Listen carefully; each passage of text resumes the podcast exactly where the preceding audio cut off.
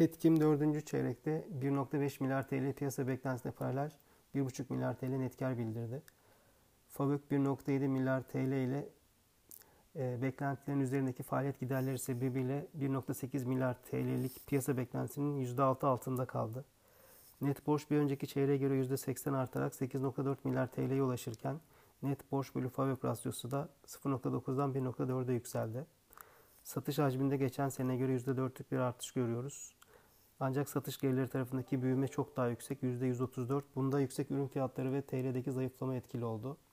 Fabrik marjı geçen sene göre 1.1 puan daralırken Fabrik yıllık bazda %122 arttı. Burada 13 milyon dolarlık stok karlılığının etkisini de görüyoruz. Çeyreksel bazda da satış e, gelirleri %42, Fabrik'te %27 arttı.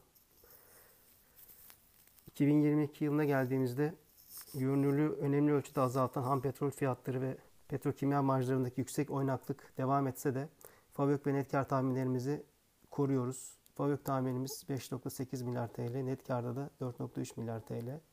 Öte yandan net borç pozisyonundaki artışı hesap alarak hedef fiyatımızı 12.18'den 11.50'ye düşürdük. %49 artış potansiyeliyle endeks üstü getiri önerimizi sürdürüyoruz.